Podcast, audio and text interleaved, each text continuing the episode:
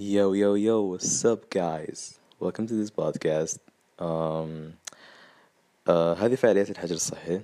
Uh, I'm really bored and I want to do some new stuff. So yeah, I hope y'all like it. Anyway, today I'm gonna talk about my top bands. The bands that I really love, the bands that I really enjoy their music, not in only music wise, in concept wise, and their style wise, and every wise, like the bands لعبتهم. okay, first of all, we got Bring Me the Horizon. Bring Me the Horizon is a British uh, metal slash rock slash pop rock slash soft rock slash electro rock slash and alternative rock بتاع كل من الأخير They're so amazing. Their first album was uh, Count Your Blessings. Okay, first of all, can someone please explain how a band that sound like this change it to a band who sound and make music like this?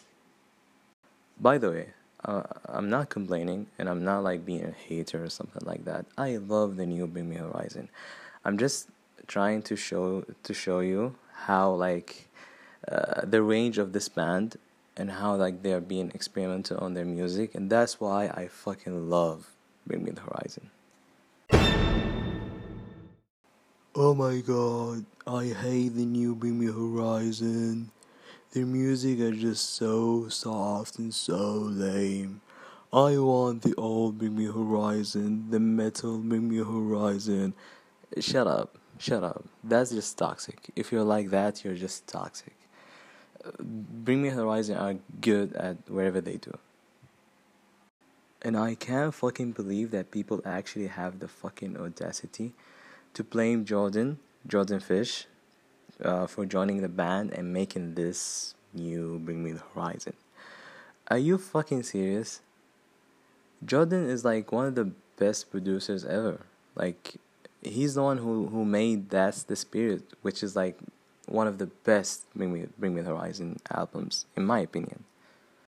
Excuse me, but you're not gonna take the piss and give hay to the person who wrote uh, Drown with Oliver Syke. No, no, not in my fucking watch. Drown is my all time favorite song. Like, this song made me the person who I am today. This is the emo people uh, national anthem. so, I love this fucking song.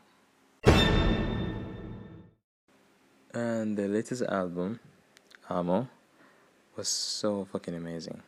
Uh, in every range, just perfect. Uh, Nihilist Blues is my favorite song in the album. I love it so much. Like, it's so amazing. I feel like I, I don't know. It just made me feel like I'm high or something like that. So, I love that song. Okay, هذا كان باختصار رأيي عن Bring Me the Horizon. Thank you guys for listening. Um, in the next podcast, I'm gonna talk about uh, another band that I really like. So, see you next time, I guess.